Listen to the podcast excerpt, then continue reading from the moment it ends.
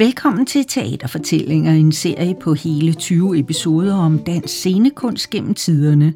Mit navn er Liv Thomsen, og sammen med en række passionerede teaterfolk og teaterformidlere inviterer jeg dig med på en rejse på 300 år. I denne episode handler det om, da både professionelle teaterfolk og amatører søgte ud på gader og stræder for at lave teater, der var politisk og provokerende. Vi byder indenfor og lader tippet gå.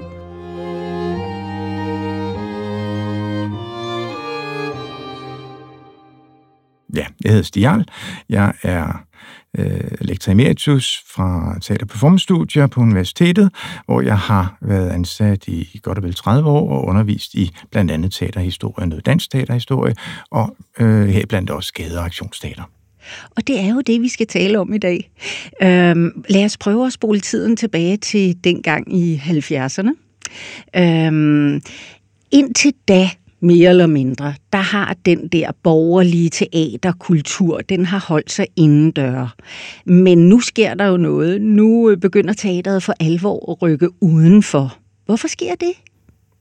Jamen, det sker i takt med, at, øh, at alting kommer gradvist i spil i løbet af 60'erne.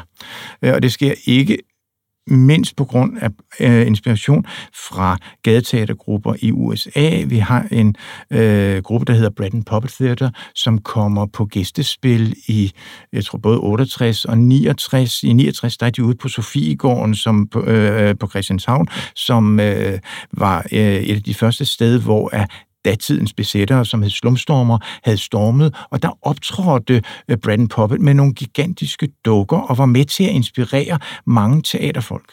Men, øh, men i det hele taget så var demonstrations... Der var sket rigtig mange også demonstrationer i takt med både Vietnam-bevægelse, øh, men også i forhold til øh, atomvåben øh, øh, i løbet af 60'erne. Og som et element i de her demonstrationer, der kommer graden af iscenesættelse.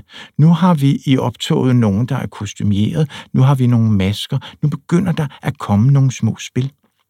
Jeg får Vietnam-demonstrationerne foran den amerikanske ambassade, hvor der nærmest som un- demonstrationsunderholdning, der kommer spil, hvor man gør grin med politiet, eller øh, øh, og det er faktisk ret udbredt. Det er en gruppe, der hedder øh, De Glade Amatører. Det er ikke sådan, at man kender ret meget til i dag, men som øh, derfra, og en af de første, når vi taler rigtigt om gadeaktionsstater, en af de første, der, der sådan kommer frem med, med fantasifulde øh, optræden på gader, øh, sådan som egentlig bare altså som er humoristiske, satiriske, og ikke sådan noget voldsomt øh, indgreb eller, øh, eller er farligt øh, i forhold til, til lov og orden. Det kan godt være, at man får en bøde, fordi man ikke har anmeldt øh, den til, øh, som et arrangement, men, men der er ikke noget vold eller lignende i det, men det er først og fremmest øh, satire over politiet, og er med til at skabe lidt underholdning og det sammenhold for demonstrationsdeltagerne.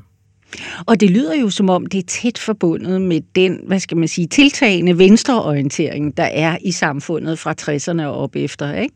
Og det er det. Det er det også. Det er øh, altså vi får en gruppeteaterbevægelse øh, samtidig derfra, netop fra øh, 68-69 og op efter, og det er en bevægelse, som er alternativ. Og det er i alternativ i alle mulige områder alternativ i forhold til opdragelsesprincipper, i forhold til kønsroller, og først og fremmest også i forhold til at tænke, at samfundet kan være skruet alternativt sammen. Der er en... Øh, en, ja, en slags revolutionær stemning er måske lidt voldsomt sagt, fordi det her det er i højere grad en kritik af noget bestående, end der egentlig er en re- reel politisk utopi. Det kommer sådan, det er alt efter, hvilke miljøer man færdes i. Men generelt, der er det her et, øh, en bevægelse, som øh, ønsker et alternativ til det eksisterende kapitalistiske samfund. Er man bevidst om teaterets rolle? Er det en del af den sådan venstreorienterede nye strategi, det alternativs nye strategi?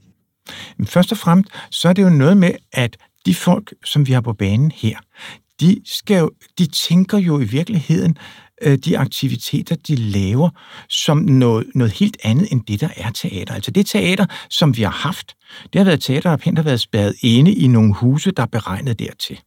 Og det har, sådan har det jo været hele tiden, siden renaissancen øh, for alvor. I middelalderen havde vi til gengæld ikke nogen øh, teaterhus som sådan. Det teater, der var der, det var, jo, det, måske var det i en kirke, og kunne være det, fordi det var tilknyttet til liturgien, men ellers så var det udendørs, så var det, øh, eller i, i lokaler, der øh, kunne være krogstue, eller øh, hvad det nu ellers var. Men, øh, men det, var, det var først og fremmest øh, uden den institutionalisering, der også ligger i, at man har et bestemt rum til det.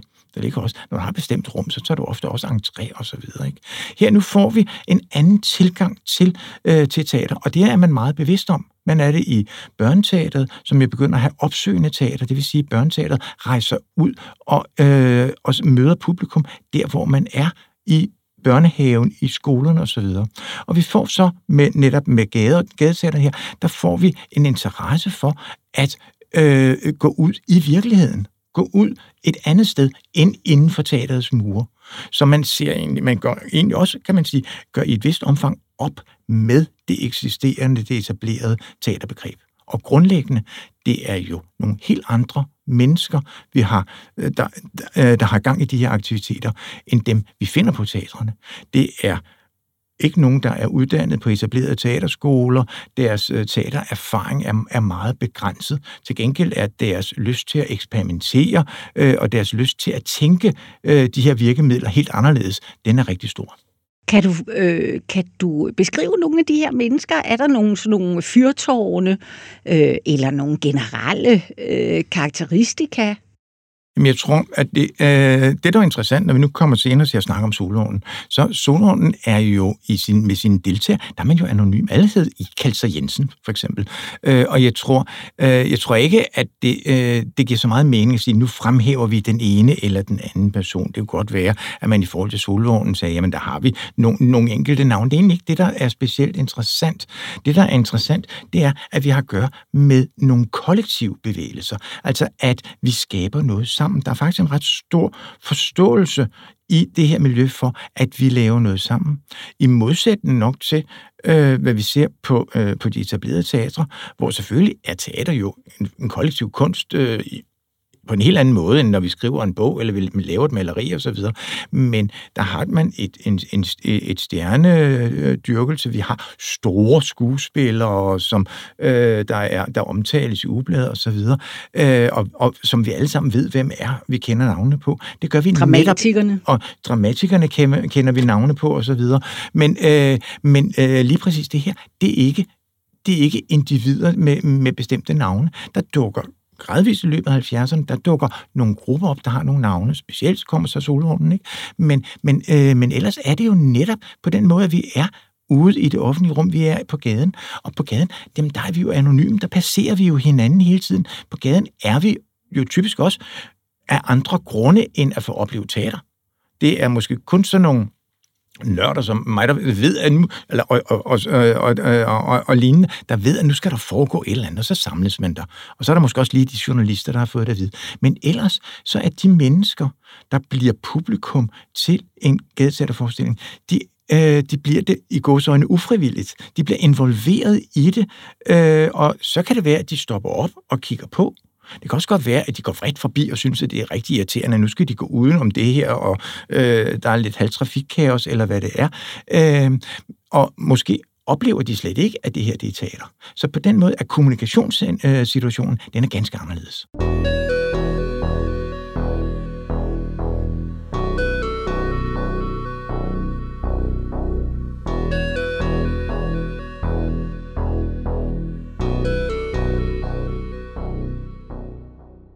Kan ikke lade være med at tænke på middelalderen. Du nævnte den selv før. Øh, altså de omrejsende skuespillertrupper, der tropper op på øh, et marked her og der fra land til land, øh, og, og hvor at, øh, at, at selve det at opleve teateret jo, man kommer og går, man går til og fra, ikke? Øh.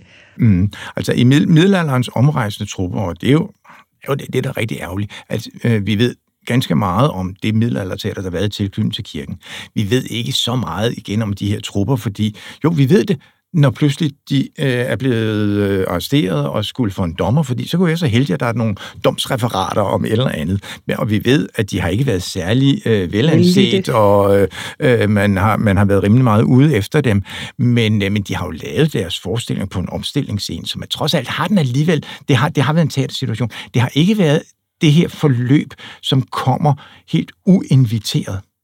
Øh, fordi middelalderens gøjlere til forskel fra øh, det gadeteater, vi har med at gøre i 70'erne, de havde jo behov for, at folk blev der, og øh, måske lagde en skilling, når hatten gik rundt bagefter.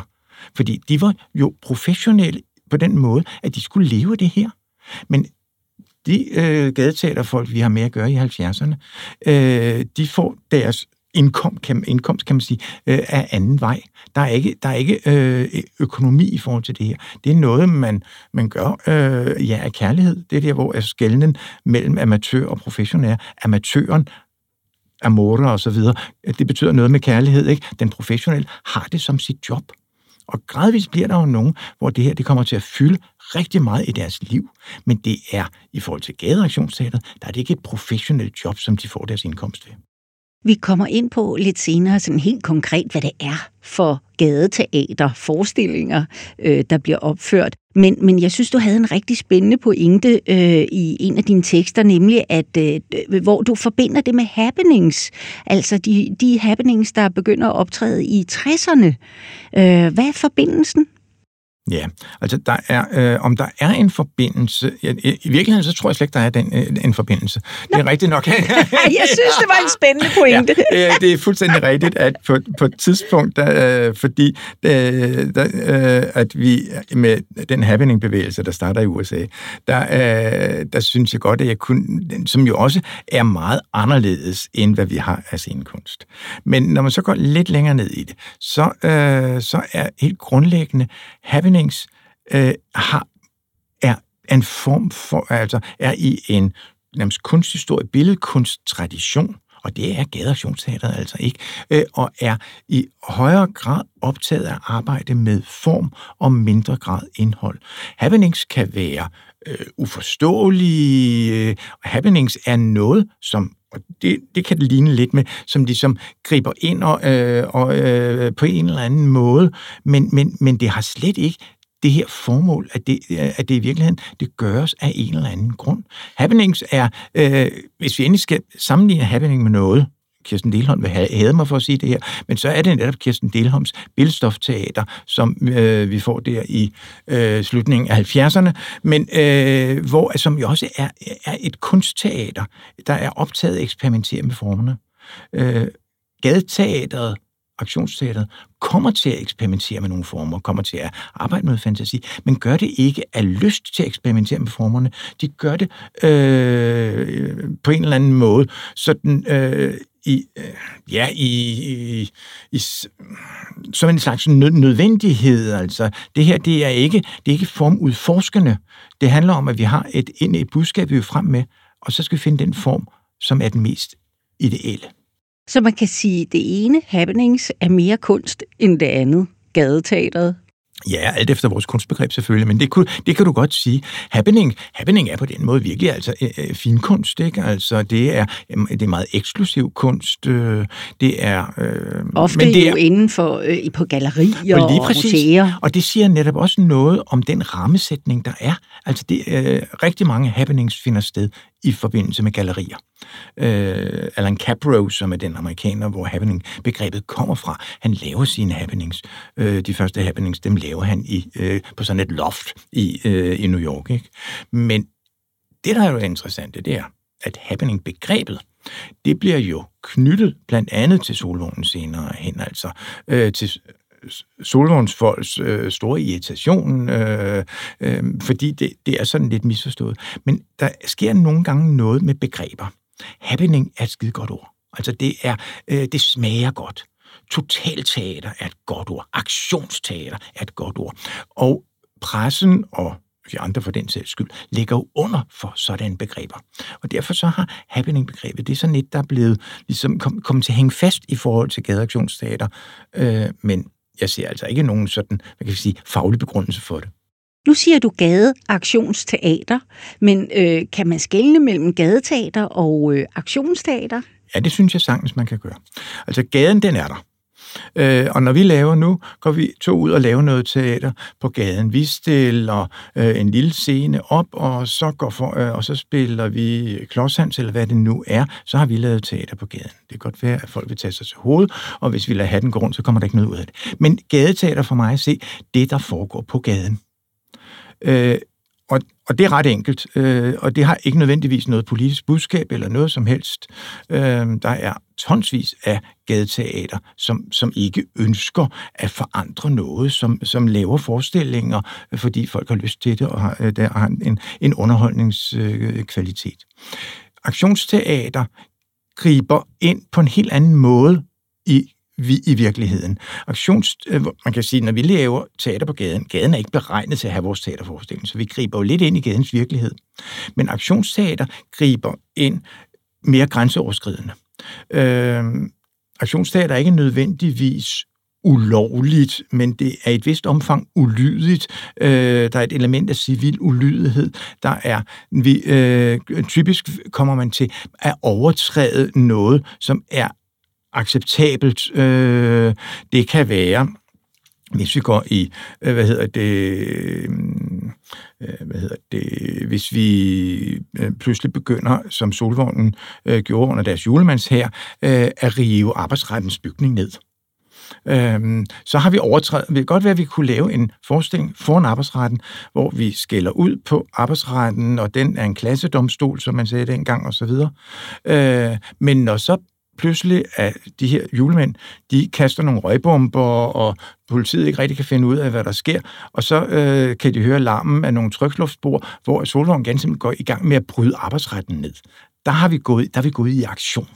Så på den måde ligger der et, øh, et ulovligt, gråstrejt, ulydighedselement i aktionen. Og nu har du sagt solvognen op til flere gange. ja. Lad os komme ind på solvognen, fordi øh, hvad hedder det, de laver jo en lang række øh, aktioner. Lad os lige høre lidt om solvognen. Kan du sådan sætte dem på plads? Jamen, solvognen, solvognen er jo, jeg vil sige, øh, hvis vi tager anden halvdel af det 20. århundrede, dansk teater anden halvdel af det 20. århundrede, der er solvognen vel ganske simpelt det fænomen, der har gjort sig sammen med den kongelige ballet, der gjorde sig mest internationalt gældende. Altså, der er hav af internationale publikationer. Altså, soloen er kendt i udlandet. Øh, og, øh, øh, og det er de, fordi de kommer til at forene den, en blanding af, altså det er jo en utrolig en lykkelig cocktail på en eller anden måde. De kommer til at forene en blanding af øh, politisk teater, som der var masser af det i 70'erne, med en fantasi og en anarkistisk tilgang til det, og en øh, fandelig voldsked i forhold til, hvad man turde øh, og samtidig har den her sådan øh, den her kollektive, altså der er jo masser af mennesker med, men vi ved egentlig ikke, hvor mange og hvem de er sådan øh, øh, rigtigt. Det, det er ikke synligt i forhold til den almindelige undrende offentlighed, øh, til, til den her kollektive skabelse. Øh, og så er Solvognen forbundet med Christiania også, og, og det er også med til, også æstetisk set, at, at give nogle dimensioner til Solvognens udtryk.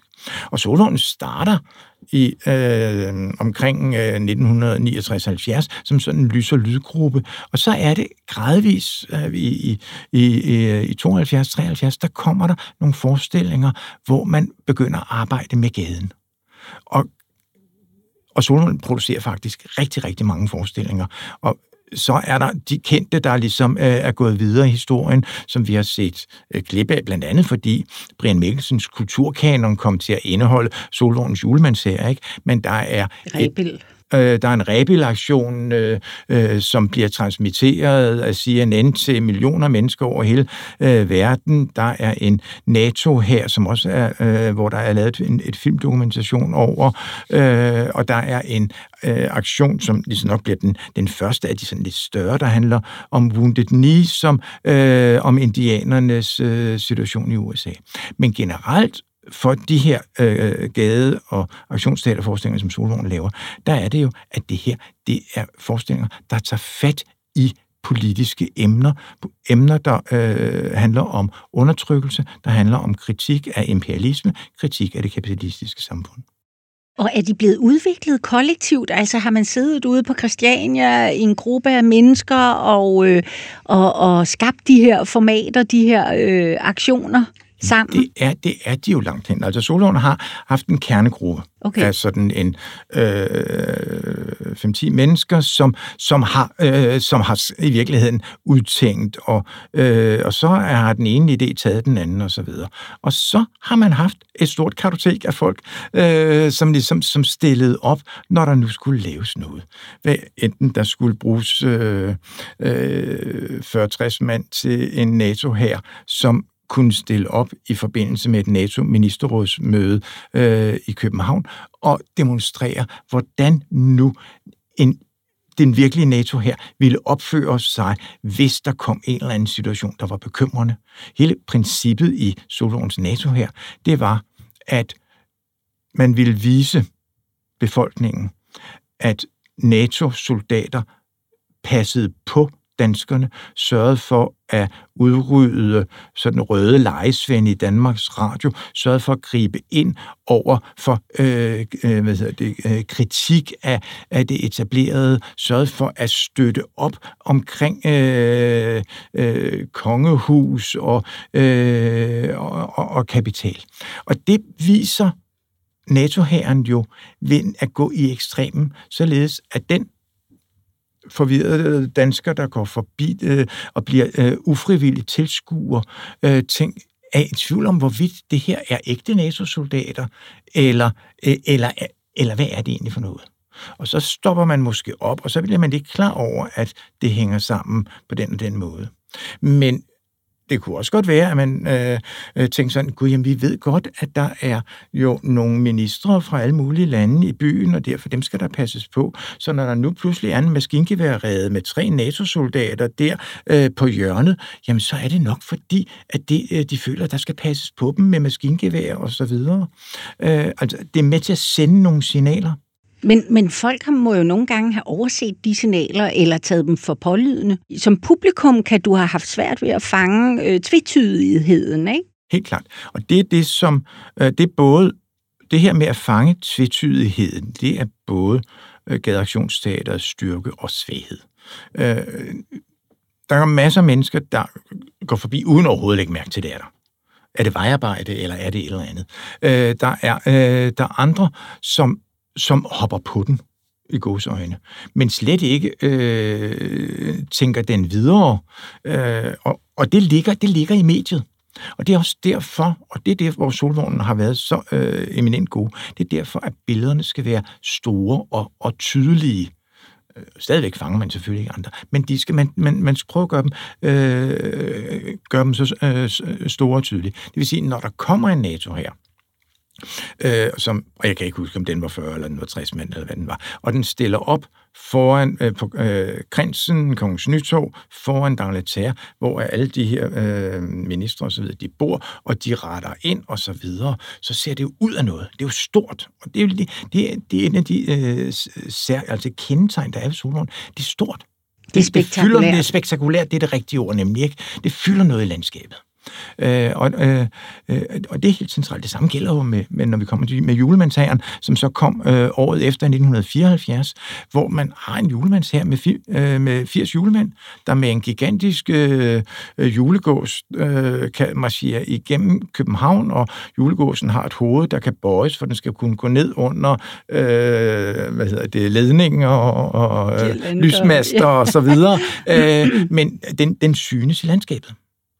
Øh, og, øh, og det her, det spektakulære, selvom vi, selvom vi ikke rigtig måske helt har fanget, hvad det er, så har vi fanget så meget, så når vi så via medierne pludselig møder den historie, så sker der noget.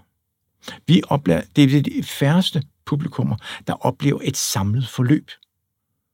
Sådan som det er udtænkt fra Solons side. Men det er også udtænkt således, at de enkelte situationer, de kan stå selvstændigt det, det, det er faktisk det, det, det er ret centralt i forhold til, øh, til den her type teater. Det er, at man kan sende nogle signaler øh, relativt enkelt ved nogle meget tydelige billeder. Og ved humor? og ved humor og, og, og, og, og ironi øh, og, og, øh, og sådan lidt, øh, lidt, lidt, lidt djævelskab også. Ikke? I tilknytning nogle måneder efter NATO-hæren, der lavede Solvognen en fuldstændig skæv syret aktion til ære for ægte NATO-soldater. Der var en øvelse, der hed Absalon Express på Sydsjælland, og øh, den foregik sådan om aftenen, om natten og så videre. Øh, og det var jo ikke noget, som almindelige tilskuere øh, øh hvad hedder det, havde øh, så så meget til. Men Solvognen dukkede op dernede og lavede ganske simpelt en aktion nærmest til ære for de soldater.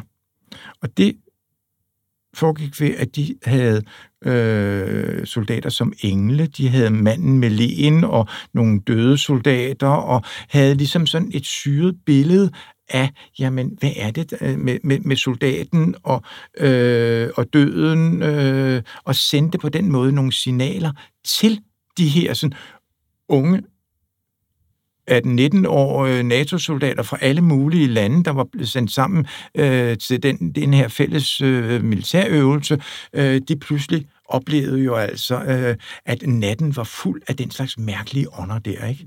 Mm. Øh, og det kan, det har man så også fundet på at, at gøre, og hvor at det er formidlingen i forhold til de her soldater og det der, men så kommer næste side, det er også formidling i forhold til pressen.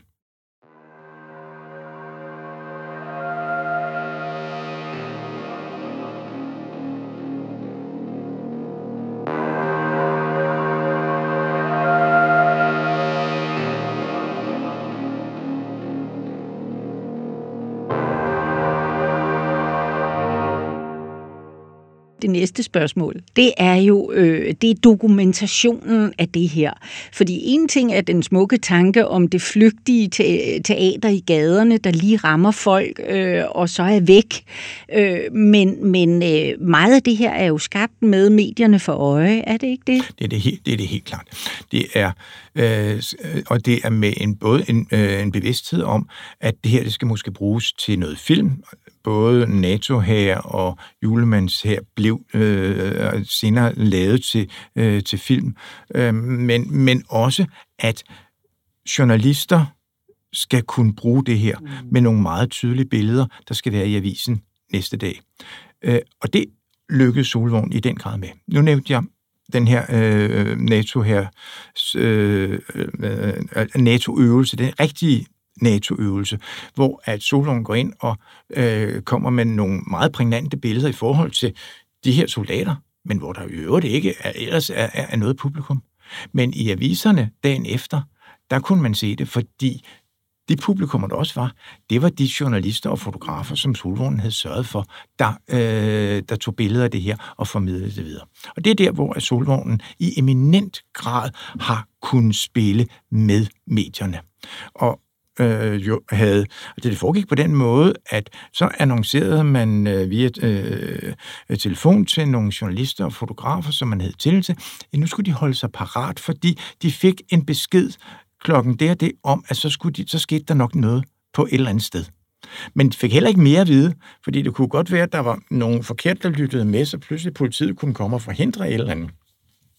Øh, og det er derfor, at der er, der, øh, for eksempel Solvognens øh, julemænd, de går øh, på General Motors øh, samlefabrik og øh, vil genåbne den. Den er blevet lukket, der er masser af arbejdere, der er blevet arbejdsløse, og julemanden han er jo god, og derfor så må han gå ind og øh, gøre noget godt, øh, og det gør man jo ved at øh, prøve at få øh, fabrikken øh, op at stå igen. Så de har sådan nogle stormstiger og klatrer over pigtrådshegn og ind i fabrikken og, øh, og går i gang med øh, at, at gøre rent og øh, snakke med arbejderne osv., og, og øh, direktøren tilkalder politiet osv., men dem, der har været der samtidig, og en halv time før politiet kommer, det er de journalister, som man har aftalt øh, det med. Så næste dag i aviserne, der kan vi se nogle meget flotte billeder. Lad os tage nogle øh, år længere op i tiden. Øh, du har også nævnt billedstofteateret, og det er meget sjovt, fordi øh, ham, der skal sidde og mixe øh, den her samtale, Per, min øh, lydmand, har. Øh, han har optrådt i forskellige af Delholms forestillinger, og, øh, og, og, og jeg husker dem selv, fordi nu er vi deroppe omkring punktiden. Ja, men det, men det er jo rigtigt. Øh, men når vi er i, i punkttiden, og de sortklædte øh, og så videre... Jeg var en af dem. ja, det, ja øh, jeg kan godt sådan øh, øh, sætte for mig. Men øh, øh, når vi er der, så er vi også på et tidspunkt, hvor af Kirsten Delholm ikke længere laver billedstofteater, men har, er, nu er vi på vej i det, der kommer til at blive, øh, der bliver Hotel Proforma. Proforma ja. Mens billedstofteater øh, kommer lige sådan, øh, det, det starter i, i 1977, øh, og det vil sige, at vi er lige nogle år efter, at vi har haft de store solvognsting. Mm. Øh, vi havde øh, NATO her i 73, vi havde Julemands her i 74, vi har rebelaktion i 76. Øh, Kirsten Delholms tilgang til det her er fundamentalt anderledes. Øh, hun har ikke nogen politisk agenda. Hun, øh, hun laver kunst, og hun laver en kunst, som er ubestemmelig. Mange tror, at det hedder billedstofteatret. Det gør det ikke. Det hedder billedstofteater. Mm-hmm. Øh, og, øh, og, og det er jo sådan, hvis vi ser grammatisk på det, det er en ubestemt form. Ja. Det er næsten, når vi siger billedstofstal, det er næsten genrebestemmelse, ikke? Og det øh, i den grad glæde Kirsten Delholm, hvis man så, så det er noget, noget særligt, netop noget ubestemt. Vi kan ikke rigtig få styr på det. Billede, stof, teater. Hvor er det, vi er henne i det? Og hvis vi skal sige, hvad der er mindst af det her, så er det måske i hvert fald teater i den traditionelle forstand. Billedstofteater, i der øh, anden halvdel af 70'erne, begyndelsen af 80'erne, er et teater, som ikke benytter sig af det talte ord, som er et øh, i høj grad et optogs... Det der, det, der foregår på gaden, er optogsteater. Men det er øh, faktisk relativt få af Billedstofteaters forestillinger, der foregår på gade som sådan. Øh, Kirsten Delholm har forkærlighed for, for rum, der, øh, der kan være med til at påvirke forestillinger. Glyptoteket har hendes helt store kærlighed, øh, og, øh, øh og, og, og, og en del forestillinger er, er, er, er præcis tilpasset det. Men der er også nogle optogsforestillinger. Der er en vidunderlig forestilling, der, øh, der foregår i, i Runde Tårn, og hvor man netop hvor hun udnytter, og det er jo det, jeg synes, der er spændende, når vi tager gaden og, og, og, øh, og ligesom det offentlige rum i brug, hvor hun udnytter bygningen, udnytter den her øh, snegle øh, gang, vi har op til, øh, til toppen af Rundetårn, og udnytter Kømmergade, øh, øh, at vi kan have pro, øh, hvad hedder, en, en procession der øh, ned, og når vi står oppe i toppen, så kan vi kigge ud på hustagene, og så er der sørme også på nogle af tagene, der er også nogle figurer. Men som vi sagde, ubestemmelighedsfaktoren, øh, øh, den er helt central. Vi fatter ikke, hvad det går ud på. Og der er ikke noget enkelt budskab. Og der er ikke noget budskab, der er, der er ikke nogen handling, der er, der er ikke noget egentlig forløb. Øh, og det er ment sådan.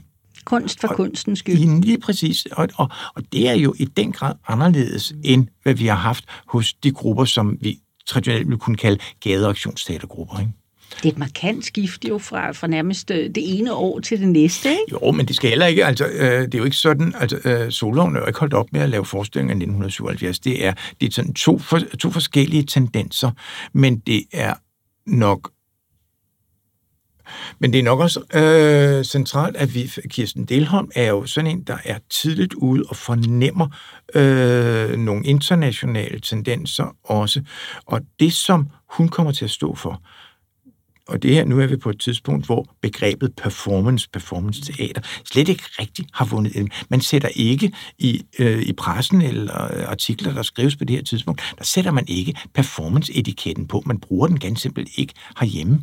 Øh, men det er jo det, øh, hun kommer med. Og når vi når op i 80'erne, hvor du snakkede om, at vi får øh, punktbevægelser osv., der begynder performancebegrebet jo for alvor at, at, at tage over, og det er i høj grad det brand, det, den etiket, som kommer til at omfatte rigtig mange af de her eksperimenter.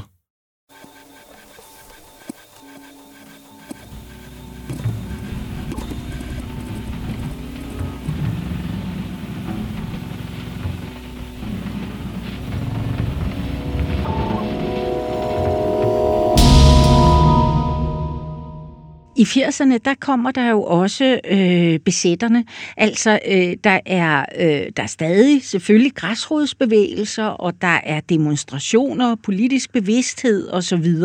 Men, men øh, der er jo også den her nye gruppe af radikale, som er besætterne. Øh, og, og der kunne jeg ikke lade være med at tænke, at de brugte nogle af de der samme øh, sådan meget snedigt iscenesatte og medieegnede aktioner. Ikke? Er det i virkeligheden ikke sådan øhm, den nye generation af gadeteater øh, aktionister? Jo, vi skal nok, jo det, det kan der måske være noget om, og så alligevel ikke helt. Men vi skal, nok, vi skal nok have fat i en skældne, som jeg synes er lidt vigtigt. Ja. Vi skal skælne mellem, hvad er det, at en gruppe som Solvognen, som definerer sig som teatergruppe, hvad er det, de laver? Og så har vi nogle grupper, som er tilknyttet nogle bevægelser som sådan. Vi kan sige, vi har i beboerbevægelsen, jamen der har man nogen, der så arbejder med teater på den ene eller anden led i, øh, i klimabevægelsen, miljøbevægelse, i atom atomkraft, i, øh, øh i anti-EF-EU, øh, i kvindebevægelse osv. også. Alle de her mange bevægelser, øh, der er der i løbet af 70'erne ofte en eller anden form for, for teateraktivitet. Teater er på den måde rigtig meget på gaden. Når vi så tager øh, slumstormer som senere besætbevægelser osv., så, så er det jo, det er jo i høj grad bevægelser, som på en eller anden måde har har til opgave at, at kæmpe for nogle rettigheder, eller kæmpe for i Oprindeligt så var det for eksempel en kamp mod ejerlejlighederne. Øh, det vil sige, det var en lov, man kæmpede mod, og øh, så kunne det være, at den kamp, den endte, altså at den forestilling, hvor øh, nu fortæller vi om det her ulykkelige par, og naturligvis er hun også gravid, og hun er lige ved at føde, øh, og den modbydelige bolighej, der øh, har gjort, at de ikke kan få den lejelejlighed. Øh, og han holder nemlig hele den her ejendom, den holder han tom, fordi så kan han om lidt udstykke den til ejerlejlighed, og den skal bare lige stå tom til længe nok. Og så ryger han en stor fed cigar. Og så ryger han naturligvis en stor fed cigar og har tyk mave. Yeah. Øh, og øh, hvis det er rigtig slemt, så har han også øh, øh, sort øh, tøj og høj hat på. Ikke? Men, øh, fordi der er en grad af typisering. Men, han, øh, men så sker der jo det, at det her stykke, det pludselig kommer over, fordi så er der måske nogen fra publikum, der siger, ej, det er fandme for meget. Nu stormer vi lortet. Og forestillingen, den bliver opført lige præcis foran den her ejendom hvor vi ved, at der er tomme lejligheder, hvor vi ved, at bolighajen han vil udnytte det her. Og så går den forestilling, der blev opført på brædder ned foran, den går hen og går får et aktionskarakter, fordi nu besætter vi sku, øh, huset, og nu rykker vi ind. Og så kommer politiet måske i løbet af en 14 dages tid og smider os ud igen. Det er så det. Men den har ligesom haft en, også en mobiliserende effekt på, øh, på publikum. Øh, det er den det er måske den ligesom, tradition, vi skal se besætterne i.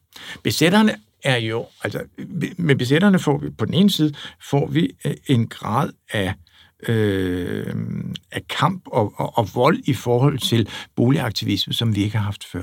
Men vi får også nogle med, øh, med kulørte klatbevægelsen for eksempel, der får vi også en, en fantasi og en øh, øh, og sådan en, en gavstriksagtig tilgang, altså den øh, ved at grave øh, tunnel og forsvinde øh, for, Lege kispus med politiet i stedet for at slå og så videre. øh, der var nogle frygtelige historier med, med kampe, hvor der blev smidt øh, voldsomme ting i hovedet på politiet, øh, og så finder man senere på, man kan jo ganske enkelt lave brosten af skumgummi, og så, så får det en, en, en komisk effekt. Og, og den kreativitet, den er øh, øh, den får, den får øh, bestemt bevægelsen også. Men, men slet ikke på samme måde, som, som, vi, som vi har i Solvognen. Øh, det, det nærmeste, der sådan kommer til, til noget, der ligner sådan nogle af de mere øh, omfattende teaterfestivaler, det er jo Festival of Fools, som også kommer her i 80'erne, ikke? Øh, jo, hvad har vi? Den første øh, Fools Festival har vi vel i, er det 82? Ja, ja det, det, jeg har bare skrevet 1980'erne. ja, ja. Øh, øh, Fools kommer jo til i den grad at betyde en fornyelse af dansk teater. Øhm, og, øh, og det gør det ved at give et, et, et mangfoldigt internationalt pust. Vi er, vi er i 80'erne, det vil sige, vi er ikke i de, vi kan vi kalde det, politisk mere hårde 70'ere. Øh, man er optaget af et øh, en fornyelse af kunsten, af scenekunsten, øh, i, i en mangfoldig række, øh, øh, i mangfoldige retninger. Vi er interesseret i at se noget fra øh, Buto fra Japan. Vi er interesseret i at se noget aktions, kvindeaktionsteater fra England, noget øh, forskellige komiske former, noget mimeteater, noget danseteater. Der er i den grad øh, ligesom fyldt op på, på alle hylder. Og den mangfoldighed i forhold til eksperimenter, det er det, der kendetegner Fools.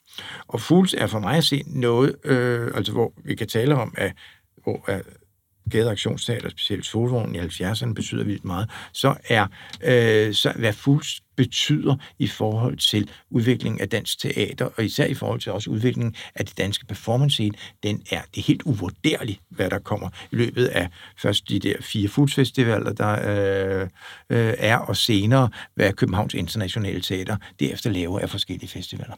En del af det foregår på gaden. Øh, der kommer byen blandt, bliver gjort til en scene. bliver gjort til en scene. Øh, der kommer katalansk øh, gadeteater med nogle øh, dukker, der danser i gaden, øh, som er hvad, de øh, tre meter høje osv. Der kommer mange forskellige øh, øh, former for, øh, for teater. Men langt størstedelen af det her, det er uden en egentlig politisk agenda, som vi har haft i 70'erne. København, København, København, Stig det har været i København, vi har befundet os her under den her 40 minutter lange samtale. Er der overhovedet gadeteater i øh, andre steder af landet? Jamen det, det er der.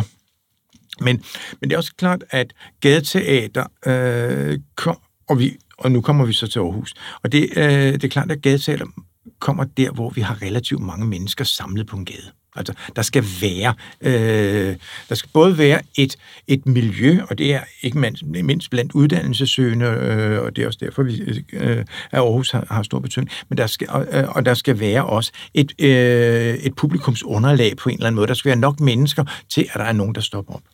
Øh, og når vi går til Aarhus, så ser vi faktisk på, og det ser vi nok på en helt anden måde end, øh, end i København. Og lige hvor i København, der kommer, øh, der er gadeaktionsteatermiljøet, jamen det kommer af sådan folk, der i en sådan lidt alternativ med, med, med, med Christiania, men ellers også øh, sådan øh, ud fra, øh, fra at arbejde politisk med tingene, at de har øh, de begynder at lave nogle forestillinger. Så i Aarhus, der har vi dels et universitetsinstitut, som er søsterinstituttet til der, hvor jeg kommer fra i København, nemlig dramaturgi, hvor at man faktisk, der er studerende derfra, som laver rigtig mange ting. Og så får man det, der hedder Aarhus Teaterakademi, som, øh, som også har en stor del af æren for, at der blandt andet kommer en øh, senere øh, det, der hedder Aarhus Kul, øh, hedder Kulturforening. Øh, ud fra dramaturgi, der kommer en gruppe, der hedder noget så mærkeligt som Eusebio, øh, og som laver nogle, nogle forestillinger, som måske mere kan sammenlignes med mellemkrigstidens agitpropteater, som er mere baseret også på noget tale, og er så nogle, nogle småspil, som ikke har de der sådan, helt prægnante billeder, som karakteriserer solvognen, men til gengæld øh, formidler via et budskab, som du får ved at stoppe op og følge med i det her spil, som måske kun var øh, 5-7 minutter. Til sidst, øh, Teater er, hvor der er mennesker. Gadeteater er, hvor der er mennesker, og der er mennesker i storbyerne. Øh, hvis vi springer op til vores dage. Altså øh, sådan en NATO her øh, aktion, som du har beskrevet øh, begge øh, af slagsen, øh, vil jo slet ikke gå i vores dage, vel? Øh, er der gadeteater Øh, er der en fremtid for gadeteateret? Er der noget nyt i gære?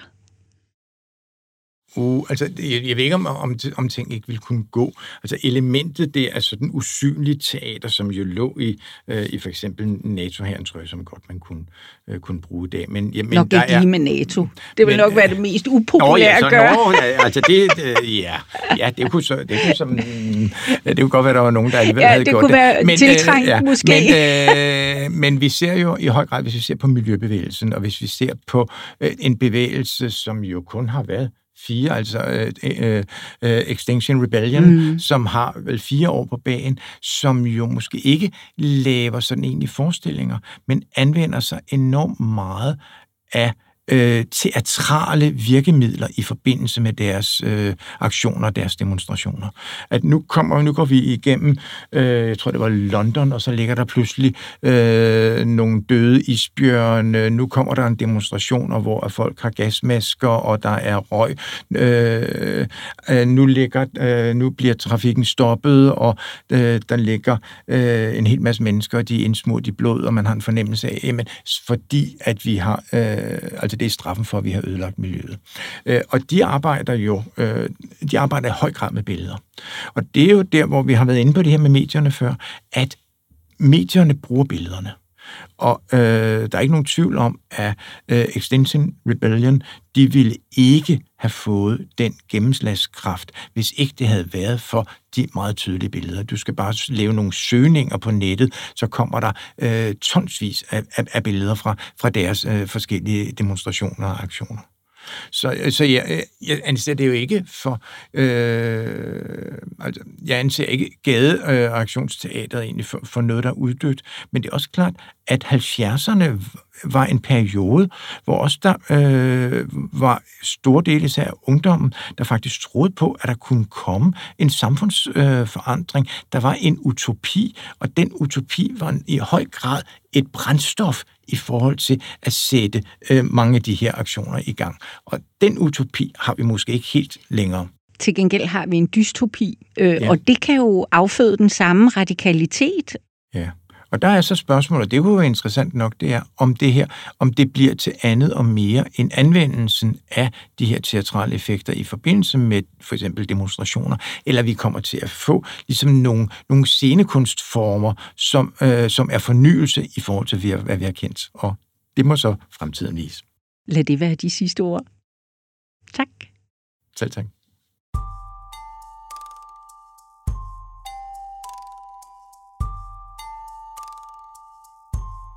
Du har lyttet til Teaterfortællinger, en podcast produceret af Historieselskabet for Dansk Teater 300 år. Lyden stod Per Buhl Aks for, og musikken den er fra Upright Music. I næste episode handler det om børneteateret og om den her helt særlige kunst at skulle spille for børn i hele landet.